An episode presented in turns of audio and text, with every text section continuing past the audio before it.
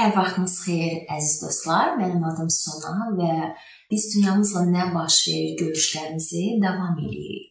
Bu gün çox maraqlı bir mövzuya toxunmaq istəyirəm və düşünürəm ki, hər kəs həyatında bir dəfə də olsa bu barədə düşünüb. Ümumiyyətlə son baş verən hadisələrdən sonra, müharibədən sonra xalqımızın bir çox şəhidləri oldu və bir çox insanlar atasız, anasız və ya övladsız qaldı.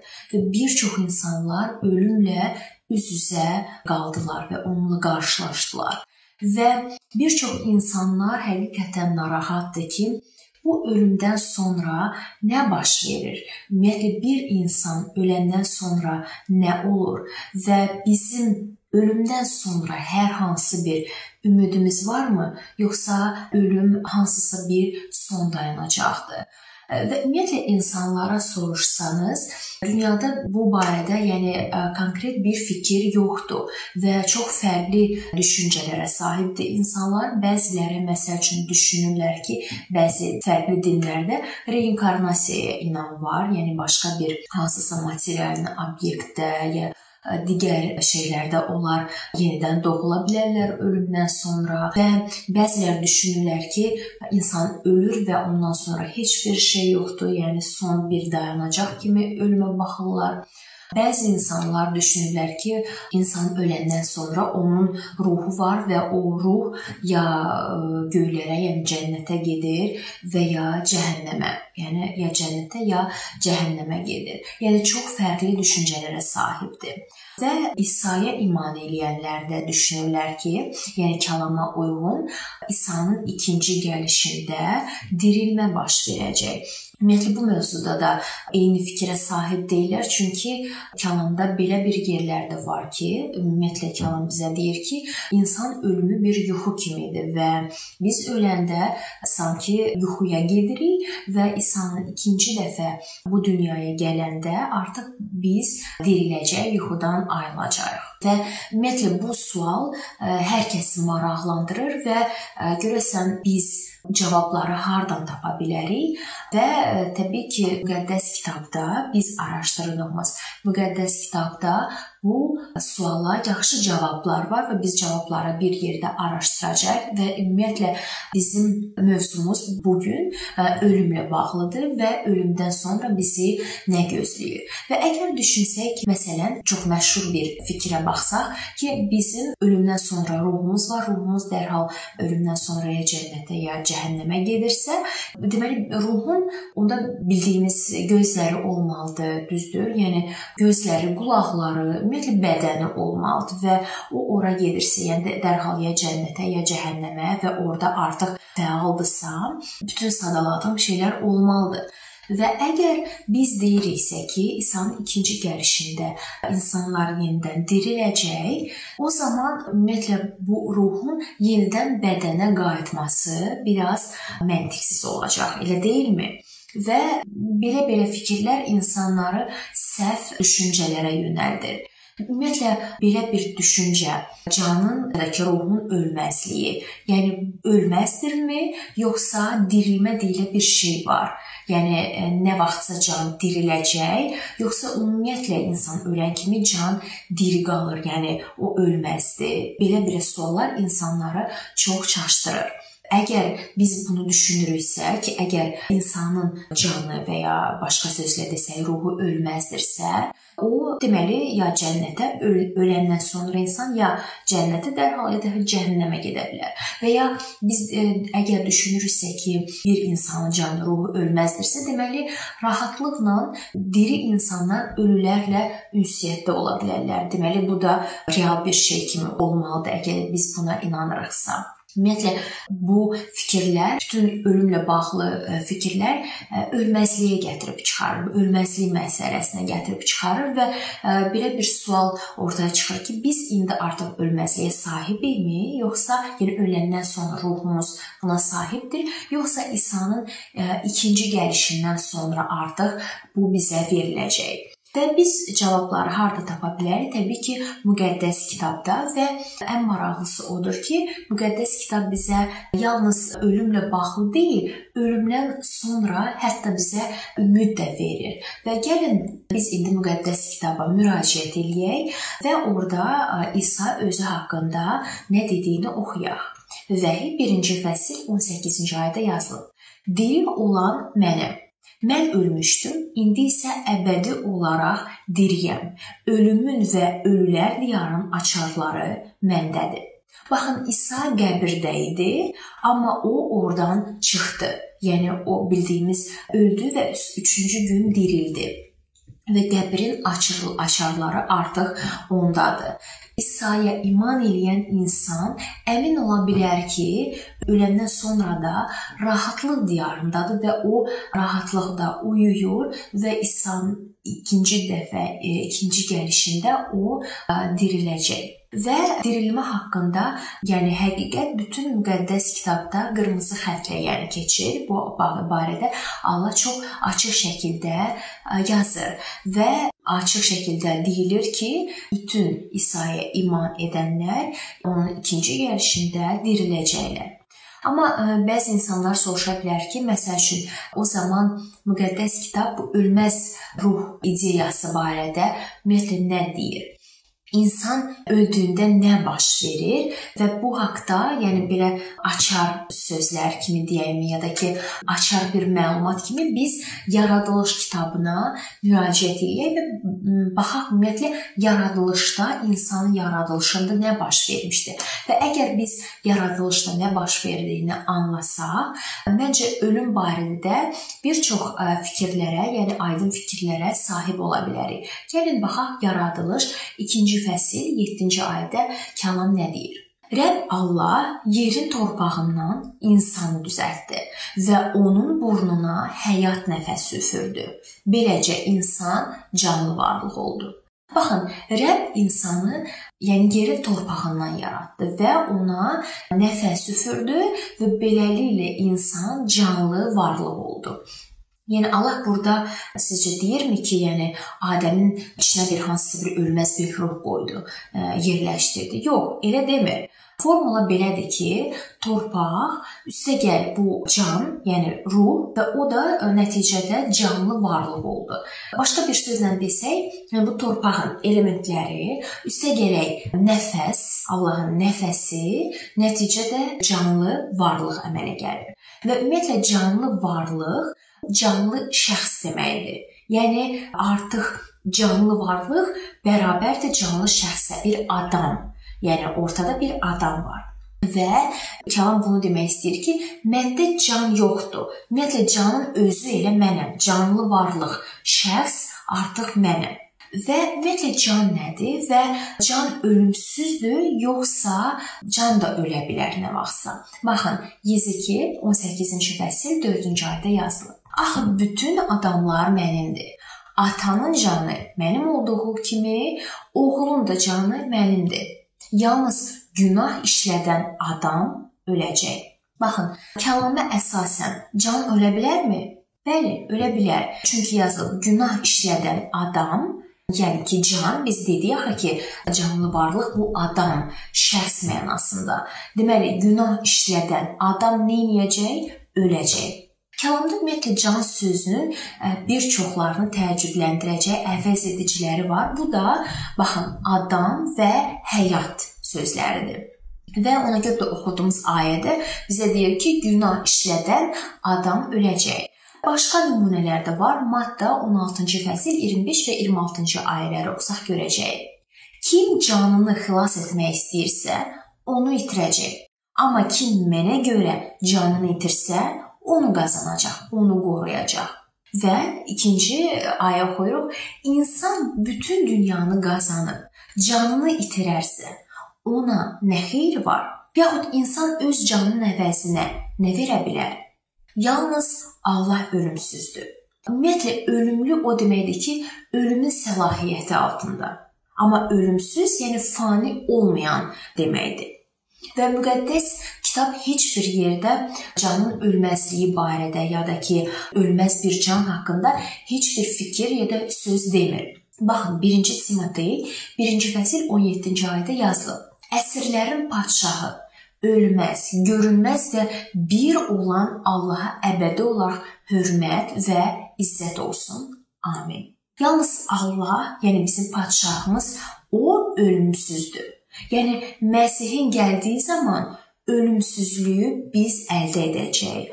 Hələ ki o biz biz ona sahib deyilik. Müqəddəs kitab deyir ki, ölümə düçar olan bədən ölməzliyə bürünməlidir. Məsih gələndə o mənə əbədi həyatı verəcək təbii ki, hədiyyə olaraq və bu hədiyyə artıq mənimdir. Yəni hədiyyə artıq mənimdir, amma ölməzlik hədiyyəsini Məsih ikinci dəfə artıq bu dünyaya gələndə mən artıq onu onun gəlməsi ilə mən bu hədiyyəni alacağam. 1-ci Timotey 6-cı fəsil 15 və 16-cı ayədə də belə yazılır. O bəxtiyarlıq mənbəyi olan tək hökmdardır. Şahların şahı və ağaların ağasıdır. Yeganə ölməzliyə malik olan, əl çatmaz nurda yaşayan odur. Yəni ölməzliyə yeganə sahib olan burada kimdir yazılıb? Təbii ki, yalnız Allah ölümsüzdür. O sadəcə o yeganə əl çatmaz nurda yaşayır. Müqəddəs kitab ölümsüzlük məsələsini çox aydın şəkildə bizə izah eləyir. Ümumiyyətlə bütpərəst Yunan fəlsəfəsinə əsasən e, ruh ölümsüzdür və ümumiyyətlə fikir versəz, o belə bir tədris yürüdür ki, ruh ümumiyyətlə müstəqil bir varlıqdır və öləndən sonra o artıq hansısa bir şuura malikdir e, o müstəqildir və e, yəni ayrı bir elementdir belə deyək. Amma müqəddəs kitab bir şəxsin baxın, fiziki, əqli və mənəvi birliyi olduğunu bizə öyrədir. Yəni o demir ki, ruhumuz ayrıdır, canımız ayrıdır, bədənimiz ayrıdır. Yox, biz kompleksdə bir varlığıq və bu ayrılmaz bir e, varlıqdır. Yəni müqəddəs kitab bizi belə öyrədir və müqəddəs kitabda deyilir ki, ölüm bir yuxudur. Yəni Allah ölümü yuxuya bənzədir bir insan öləndə o təhlükəsizlikdə, yəni rahatlıq içində, rahatlıq diyarında uyuyur və o dünyanın ümumiyyətlə baş verən, dünyada baş verən artıq çətinlikləri barədə fikirsizdir. Yəni heç bir fikrə artıq sahib deyil. Çünki o istirahət edir. Amma məsəl üçün spiritizmdə öyrədir ki, yəni ruhumuz əbədi yaşayır ölümdən sonra və o deyir ki, məsəl üçün bizim ruhumuz əvvəl dediyim kimi ölülər, yəni dirilərlə münasibətdə, ünsiyyətdə ola bilər və bir çox insan sanki ölmüş insanları həyatlarında görə bilir. Bu nə üçün təhlükəlidir? Əslində şeytan bu yolla bizi çaşdırmağa çalışır. Çünki o həmin onun pis mələkləri bizim ölmüş insanlar cildində də gəlib bizim bizimlə ünsiyyət qura bilirlər və insanları bu yolla Allahdan tamamilə uzaqlaşdıra bilirlər. Gəlin baxaq kəlam bu barədə bizə nə deyir. 1-ci Korinfillərə 15-ci fəsil 51 və 52-ci ayələri oxuyuruq. Baxın, sizə bir sir açmaq istəyirəm. Hamımız vəfat etməyəcəyik, amma son şeypur çalınanda bir andaca, bir göz qırpımındaca hamımız dəyişəcəyik. Çünki şeypur çalınacaq, ölülər çürülməzliklə diriləcək, biz isə dəyişiləcəyik. Allah Adəmi yaratdıqda ona ölməz bir ruhu deyil, nəfəsini üfürdü. Baxın, yaradılış təkrar oxuyuram 2-ci fəsil 7-ci ayə. Rəbb Allah yerin torpağından insanı düzəltdi və onun burnuna həyat nəfəsini üfürdü. Beləcə insan canlı varlıq oldu. Variz 12-ci fəsil 7-ci ayədə yazılıb. Torpaq gəldiyi yerə qayıtmamış, həyat nəfəsi isə onu verən Allaha dönməmiş səni yaradanı xatırla. Belə ki, bədən toz olur, amma Allaha qayıdan ruh şura heç bir şura malik deyil və ona qayıdan belə deyək də Allahın nəfəsidir. Bizə üfürən həmin nəfəsdir. Başqa bir sözlə desək Allahın qüdrəti. Yəni o qüdrət bizə can verdi, biz canlandıq, canlı şəxs olduq və biz öləndən sonra həmin o qüdrət, həmin o nəfəs Allaha qayıdır. və Allah bizim şəxsiyyətimizi öz ürəyində qoruyur. Əhd-i ətiqdə bu biz dediyimiz ruh sözü İbrani dilində ruah sözünü əvəz edir. Həmin ruah sözüdür və onun tərcüməsi nəfəs deməkdir. Və beləliklə ruh və nəfəs eyni şeydir. Baxın, Əyyub 27-ci fəsil 3-cü ayədə də yəni buna təsdiq. Nə qədər canımda can, burnumda Allahın nəfəsi varsa. Sizin burnunuzda nədir? Ya o düşünə bilir? Xeyr, bu Allah tərəfindən sizə verilən nəfəsdir. Və insan öləndə ürək döyüntüsü belə deyək də dayanan, dayananda bizim artıq ruh, nəfəsimiz həmin o mənbəyə, həmin stansiyaya, yəni ki, Allahın e, verildiyi yerə, Allahın özünə qayıdır həmin o nəfəs. Ümumiyyətlə ölümdən sonra şuur varmı? Baxaq görək ümumiyyətlə kəlam bu barədə nə deyir? Zəbur 146-cı fəsil 4-cü ayədə belə yazılıb. Onlar canı çıxan kimi torpağa düşər. Niyyətləri bircə anda yox olar və Vaiz 9-cu fəsil 5-ci və 6-cı ayədə yazılıb. Çünki dirilər öləcəklərini bilir, ancaq ölülər heç nə bilmir. Ölülər nə bilir? Yəni heç bir şey. Niyə? Çünki ölüm anında onların fikirləri də ölür. Artıq şuurları yoxdur. Və ayə davam edir. Ölülərin sevgisi, nifrəti, paxıllığı artıq məhv olub. Əgər ruh ölümdən sonra dərhal göylərə gedirsə, yəni ya da ki, cəhənnəmə gedirsə, o zaman o ən azından, yəni göylərə gedirsə, o ə, sevgi hissini yaşamalı, düzdür? Amma kəlam bizə nə deyir? Deyir ki, ölülərin sevgisi, nifrəti, paxıllığı artıq məhv olub. Yəni Allah deyir ki, ölüm yuxudur. Kəlam bizə öyrədir ki, Ölüm yuxuya bənzəyir və Məsihin ikinci gəlişinə qədər də davam edir. Ümumiyyətlə müqəddəs kitabda baxın, ölüm 50 dəfədən çox yuxu olaraq adlandırılıb. Məsəl üçün Zəbur 12-ci fəsil 3-cü ayədə belə yazılıb. Bax, mənə cavab ver, ey Allahım Rəbb. Gözümə nur ver ki, əcəl yuxusuna getməyim. Müqəddəs kitabda yuxu ölümdür. Orda ölümsüz can haqqında heç bir söz deyilməyib. Bir gün ümumiyyətlə e, İsa öz şagirdləri ilə yaxın dostu Lazarın e, yanına getdi və o ümumiyyətlə e, belə bir xəbər aldılar ki, Lazar ölüb.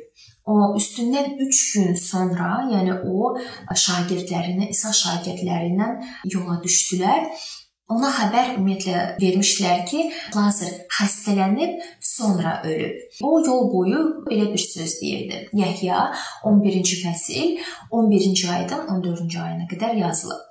Dostumuz Lazar uyuyub. Mən onu oyatmaq üçün gedirəm. Onda şagirdlər ona dedilər: "Əgər uyuyubsa, sağalacaq."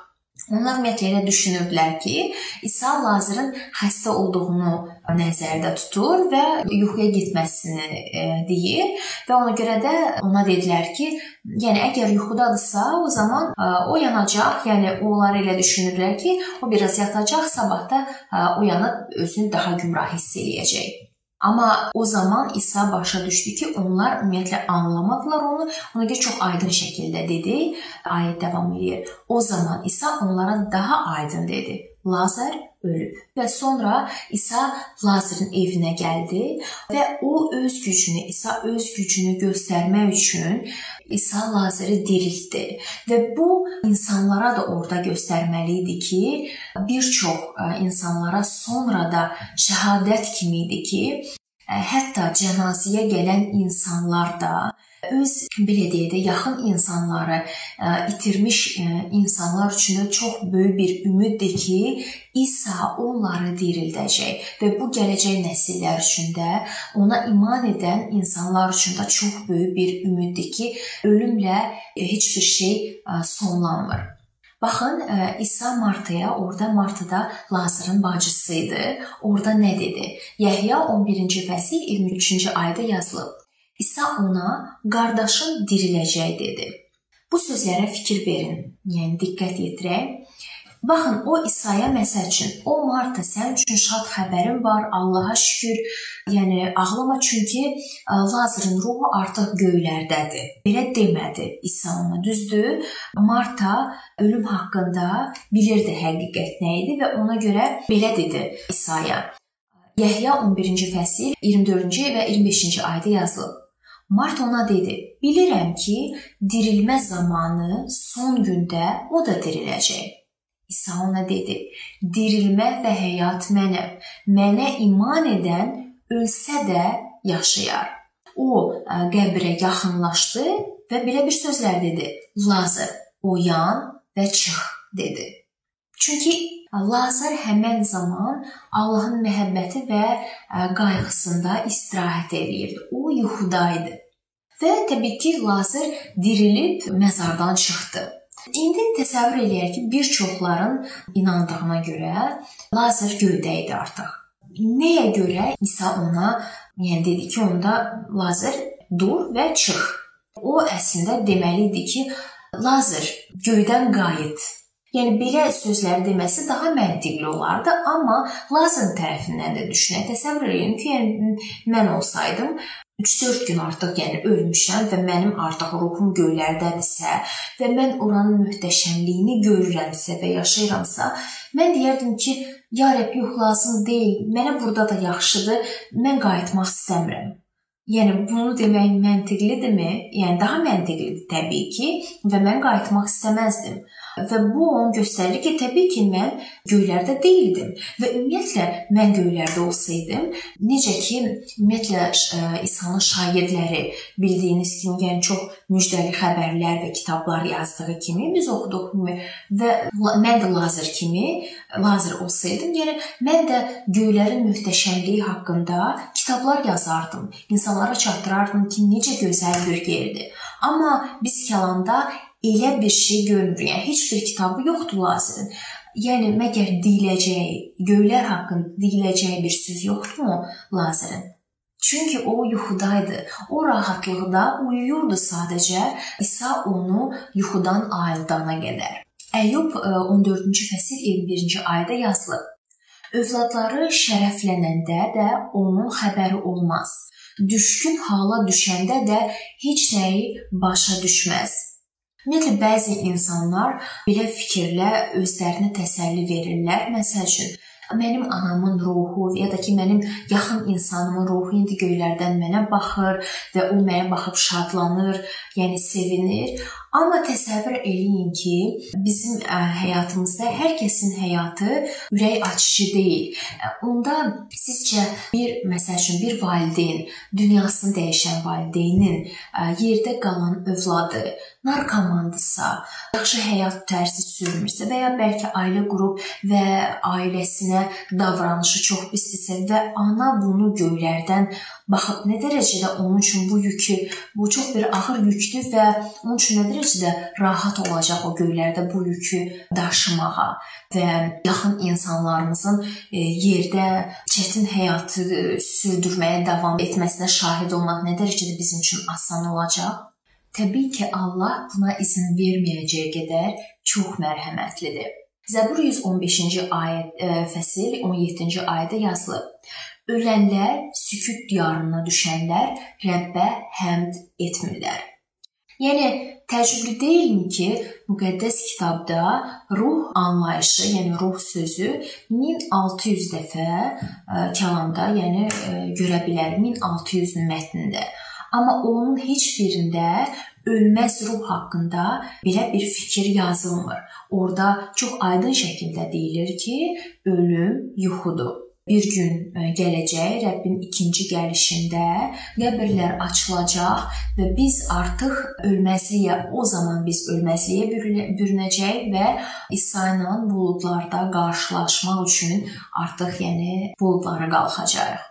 Bəs bir çox insanlar soruşa bilərlər ki, İsa çarmıxda e, öləndə onun yanında 2 dənə quldur var idi və onun onların aralarında belə bir söhbət oldu. Baxın, onlar buna istinad edil eləyirlər. Deməli, bir quldur İsa'ya iman elədi, dərhal çarmıqda və o dedi ki, öz səltənətinə gələndə məni də yad elə. Və İsa ona dedi: "Doğrusunu, doğrusunu sənə deyirəm. Bu gün sən mənimlə birlikdə cənnətdə olacaqsan." Bu sözlər təbii ki, insanları çaşdıra bilər. Sanki İsa quldura deyirdi ki, həmin an, yəni öləndən sonra biz bir yerdə cənnətə gedirik. Amma bu sözləri ümumiyyətlə belə başa düşmək lazımdır ki, bu gün, yəni sənə söz verirəm ki, gələcəkdə mənimlə cənnətdə olacaqsan. Ümumiyyətlə belə bir suallarla qarşılaşanda biz öz düşüncələrimizə arxalanaraq, belə deyək öz fantaziyalarımıza arxalanmaqdansa icazə vermək lazımdır ki, kəlam özü özünü aydınlaşdırsın. Çünki kəlam, yəni mətni kontekstdə oxusaq, biz görəcəyik ki, hər şey çox aydındır. Gəlin baxaq ümumiyyətlə İsa özü öləndən sonra dərhal cənnətə getdimi? Yəni göylərə qalxdımı, yoxsa yox? Ümumiyyətlə yadınızdadırsa, İsa çarmıxa çəkildi cümə günü, o öldü. Şənbə günü o istirahətdə qaldı, qəbirdə qaldı və həftənin birinci günü, yəni bazar günü o dirildi. Amma diriləndə Məryəm gəlmişdi onun qəbrinə və dirildi deyə onu tapa bilmədi. İsa gəldi onun yanına, Məryəmin, amma Məryəm onu tanımadı və Məryəm bir az sonra onu tanıdıqdan sonra ona səcdə etmək üçün ayaqlarına yıxıldı və e, ümumiyyətlə gəlin bu hekayəyə baxaq, orada nələr baş verir. Yəhya 20-ci fəsil 15-ci ayədən 17-ci ayəyə qədər. İsa ondan soruşdu: "Ey qadın, Niyə ağlayırsan? Kimi axtarırsan? Məryəm onun Baban olduğunu güman edərək dedi. Aha, əgər onu sən aparmısansa, hara qoyduğunu mənə söylə, mən də onu götürüm. İsa ona Məryəm dedi. O da İsa'ya İbranicə Rabuni dedi. Rabuni müəllim deməkdir. İsa ona dedi: "Mənə toxunma, çünki mən hələ atanın yanına qalxmamışam." Amma qardaşlarımın yanına gedib onlara söylə: Öz atamın, sizin atanızın, öz Allahımın, sizin Allahınızın yanına qalxıram. Necə İsa quldura cümə günü artıq sən mənimlə bir yerdə cənnətdə olacaqsan deyə bilərdi, əgər o hələ heç həftənin birinci günü belə, yəni hələ göylərə qalxmamışdı. O Məryəmə hətta belə dedi ki, mənə toxunma, Çünki hələ atamın yanına qalxmamışam. Əgər inansaq ki, artıq cümə günü o quldurla bərabər cənnətdə idisə, o zaman ümumiyyətlə bu fikir kəlamın ümumi məğzinə zidd gedəcək. Allahın təliminə zidd gedəcək, uyğun deyil bu. Və əgər bazar günü səhərə qədər atanın yanından qalxmayıbsa, niyə quldura o bu gün cənnətdə mənimlə birgə olacaqsan dedi. Və biz ümumiyyətlə bu ayəyə necə düzgün açıqlama verə biləcəyimizi hardan bilək? Biz oradan bilə bilərik, bilərik ki, müqəddəs kitab ümumiyyətlə kəlamda 53 dəfə ölümü yuxu adlandırır. 1600 mətndə deyilib ki, can ölümsüz deyil. Kəlam deyir ki, çünki Vaiz 9-cu fəsil 5-ci ayədə təkrar oxuyuram. Çünki dirilər öləcəklərini bilir, ancaq ölülər heç nə bilmir. Biz bilirik ki, İsa öyrətmirdi ki, quldurun hansısa bir ölümsüz bir ruhu var, canı var və o ölümdən sonra göylərə gedəcək. Belə bir şey öyrətmirdi. Onda İsa quldura bu dediyi sözləri, mənimlə cənnətdə olacaqsan sözlərini biz əslində necə başa düşməliyik? Baxın, İsa dedi: "Mən sənə indicə, bax bu gün deyirəm. Çarmıqda, bu gün çarmıqda öldüyüm gün. Bu gün məni hər kəs zəif gördüyü bir gün. Mənə insanlar lağ etdiyi həmin bax bu gün sənə deyirəm.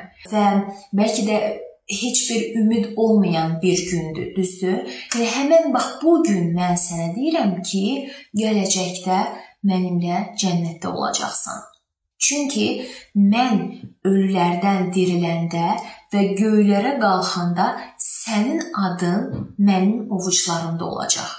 Mən göylərə qalxanda dilimdə sənin adınla qalxacam. 1-ci Korinfillər 15-ci fəsil 55-ci ayədə yazılıb. Ey ölüm, qələbən hanı? Ey ölüm, neştərin hanı? Və 1-ci Korinfillər 15-ci fəsil 57-ci ayədə yazılıb. Rəbbimiz İsa Məsih vasitəsilə bizə qələbə bəxş edən Allaha şükürlər olsun. Və xoş xəbər ondan ibarətdir ki, ölüm artıq öz səlahiyyətini itirdi. Xoş xəbər ondan ibarətdir ki, artıq məzar bizi tutub saxlaya bilməz. Çünki Məsih məzardaydı, amma o oradan çıxdı və bizim də həyatımız artıq Məsihlə birgə Allahda qorunur. 1-ci Saloniklərə 4-cü fəsil 16-cı ayədə yazılıb. Rəbb öz əmrini özü əmrini səsləndirməklə Baş mələyin sədası və Allahın şeypuru ilə göydən enəcək. Əvvəlcə Məsihdə olaraq ölənlər diriləcək. Ümumiyyətlə bütün e, müqəddəs kitab bu şərəfli kulminasiya hadisəsini bizə göstərir. E, niyə əsrlər boyu ümumiyyətlə İsa'ya iman edənlər onun gəlişini gözləyirdilər? Çünki onlar inanırlar ki, İsa ikinci dəfə gələndə ölülər diriləcək və onlar yaxın insanlarla görüşəcəklər. Və e, təbii ki, biz hamımız dirilib Rəbblə havada qarşılaşmaq üçün yenidən diriləcəyik. Baxın, 1-ci Saloniklərə 4-cü fəsil 17-ci ayədə yazılıb. Ondan sonra sağ qalan bizlər Rəbbi havada qarşılamaq üçün onlarla birgə buludlar içində götürülüb aparılacaq və beləcə daim Rəbblə qalacağıq. Yəni bu çox böyük bir ümiddir, əziz dostlar.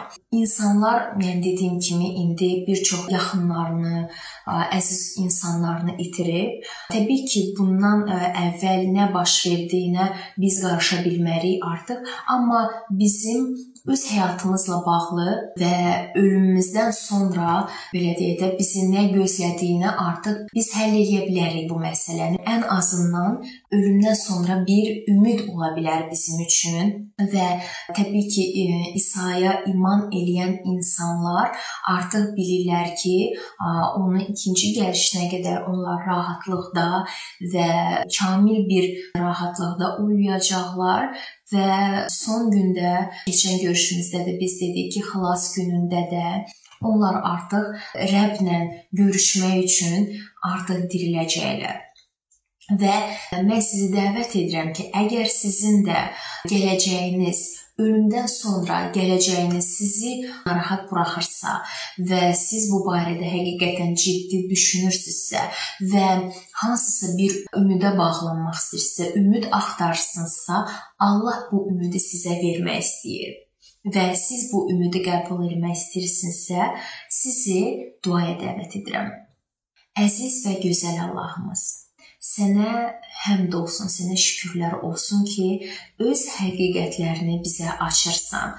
Bu görüşlər vasitəsilə bizə nə demək istəyirsən, sən bizim ürəyimizin gözlərini açırsan, ruhumuzun gözlərini açırsan və minnətdarıq ki, ölüm haqqında da, hətta ölüm bəzi insanlar üçün son demək olsa da, sən bizə bu məsələdə də ümid verirsən ki, bizim ölümdən sonra nəfəsimiz sənə qayıdır və sən bizi rahatlıq diyarına aparırsan və iki İsa'nın ikinci gəlişində biz sən bir diriləcək və səninlə bir yerdə görüşüb göylərə gedəcəyik. Mən sənə minnətdaram ki, hətta ölümdən sonra da sən bizə İsa Məsih vasitəsilə ümid verirsən və deyirsən ki, ona iman edən insan ölsə də diriləcək və biz bu ümidlə yaşamaq istəyirik və biz bu imana sahib olmaq istəyirik. Ya Rəbb, bu yolda bizə güc ver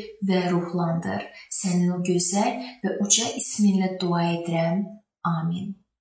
Əziz dostlar, Bu maraqlı və düşünürəm ki, çox vacib bir mövzumuz indi sona çatdı. Əgər bu mövzu ilə bağlı hər hansı bir sualınız və ya aydın olmayan məqamlar varsa, təbii ki, siz hər zaman bizə şərh bölməsində də yaza bilərsiniz. Mesaj qutusuna da yaza bilərsiniz. Suallarınız varsa soruşa bilərsiniz. İndi isə mən sizinlə sağollaşıram və növbəti görüşlərdə görüşmək ümidi ilə 去香港。